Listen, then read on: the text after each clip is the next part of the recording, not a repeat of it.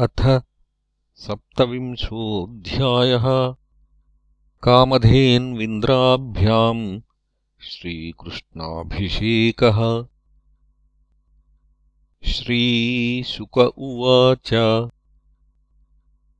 Govardhane धृते Shelley आसाराद्रक्षिते व्रजे। गोलोकादाव्रजत् कृष्णम् सुरभिः शक्र एव च। विविक्त उपसङ्गम्य व्रीडितः कृतहेलनः। पस्पर्शपादयोरेनम् किरीटेनार्कवर्चसा। दृष्टश्रुतानुभावोऽस्य कृष्णस्यामिततेजसः नष्टत्रिलोकेशमद। इन्द्र आह कृताञ्जलिः। इन्द्र उवाच विशुद्धसत्त्वम् तव धाम शान्तम् तपोमयम् ध्वस्तरजस्तमस्कम्। मायामयोऽयम् गुणसम्प्रवाहो न विद्यते ते ग्रहणानुबन्धः। कुतो नु तद्धेतव ईश तत्कृता। लोभादयो ये बुधलिङ्गभावाः। तथापि दण्डम् भगवान् बिभर्ति। धर्मस्य गुप्त्यै खलनिग्रहाय पिता गुरुस्त्वम् जगतामधीशो दुरत्ययः कालौपात्तदण्डः हिताय स्वेच्छातनुभिः समीहसे मानम् विधुन्वन् जगदीशमानिनाम्। ये मद्विधाज्ञा जगदीशमानिनः त्वाम् वीक्ष्य काले भयमाशु तन्मदम् हित्वार्यमार्गम् प्रभजन्त्यपस्मया। ईहाखलानामपि तेऽनुशासनम्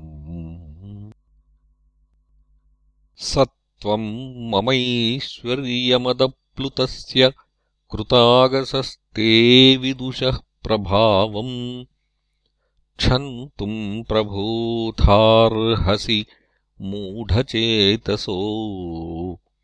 मैवम् पुनर्भून्मतिरीश मे सती। तवावतारोऽयमधोक्षजेह स्वयम् भराणामुरुभारजन्मनाम् चमूपतीनामभवाय देवभवाय युष्मच्चरणानुवर्तिनाम्। नमस्तुभ्यम् भगवते पुरुषाय महात्मने वासुदेवाय कृष्णाय सात्वताम् पतये नमः।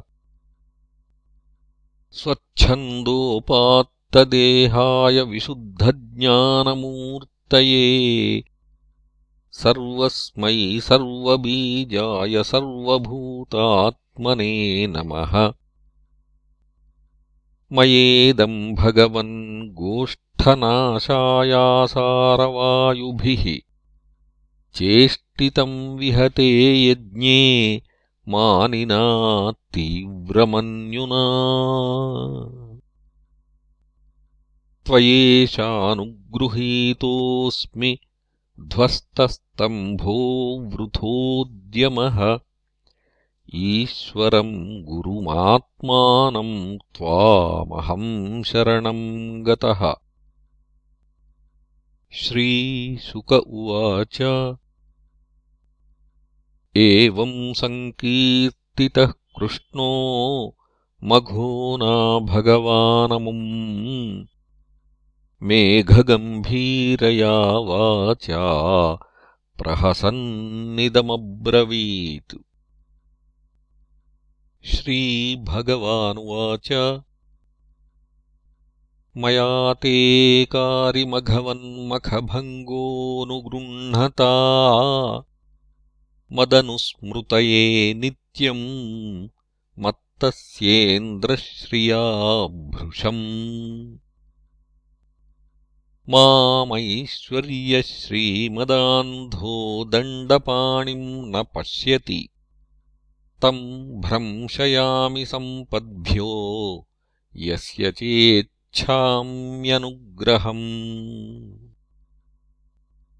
गम्यताम् शक्रभद्रम् वः क्रियताम् मेनुशासनम्।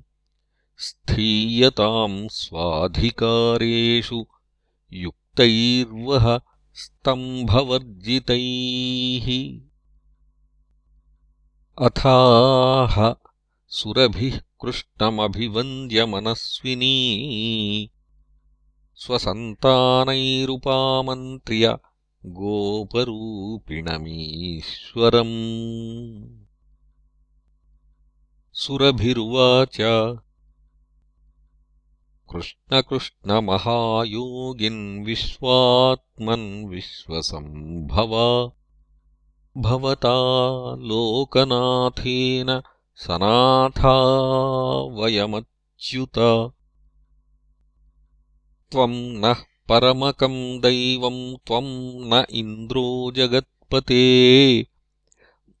भवाय भव गोविप्रदेवानाम् ये च साधवः।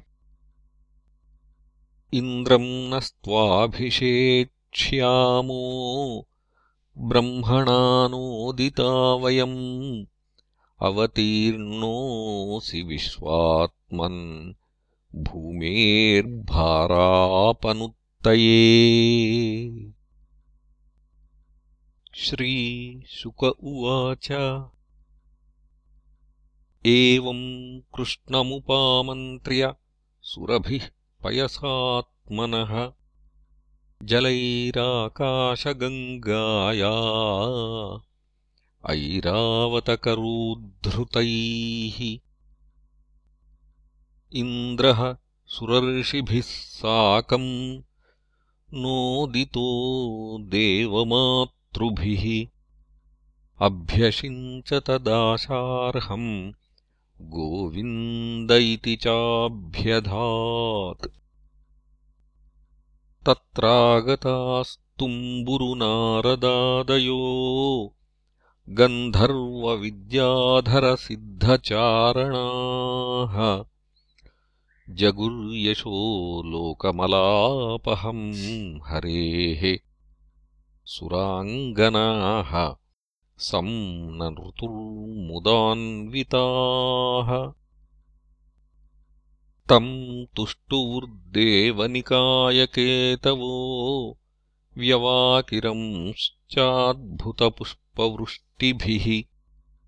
लोकाः पराम् निर्वृतिमाप्नुवंस्त्रयो गावस्तदा गामनयन् पयोद्रुतान् नानारसौघाः सरितो वृक्षा आसन्मधुस्रवाः अकृष्टपत्यौषधयो गिरयो बिभ्रदुन्मणीन्। कृष्णेऽभिषिक्त एतानि सत्त्वानि कुरु नन्दन। निर्वैराण्यभवंस्तात क्रूराण्यपि निसर्गतः इति गोकुलपतिम् गोविन्दमभिषिच्य सः अनुज्ञातो ययौ शक्रो वृतो देवादिभिर्दिवम्। इति श्रीमद्भागवते महापुराणे पारमहंस्याम् संहितायाम् दशमस्कन्धे पूर्वार्धे इन्द्रस्तुतिर्नाम सप्तविंशोऽध्यायः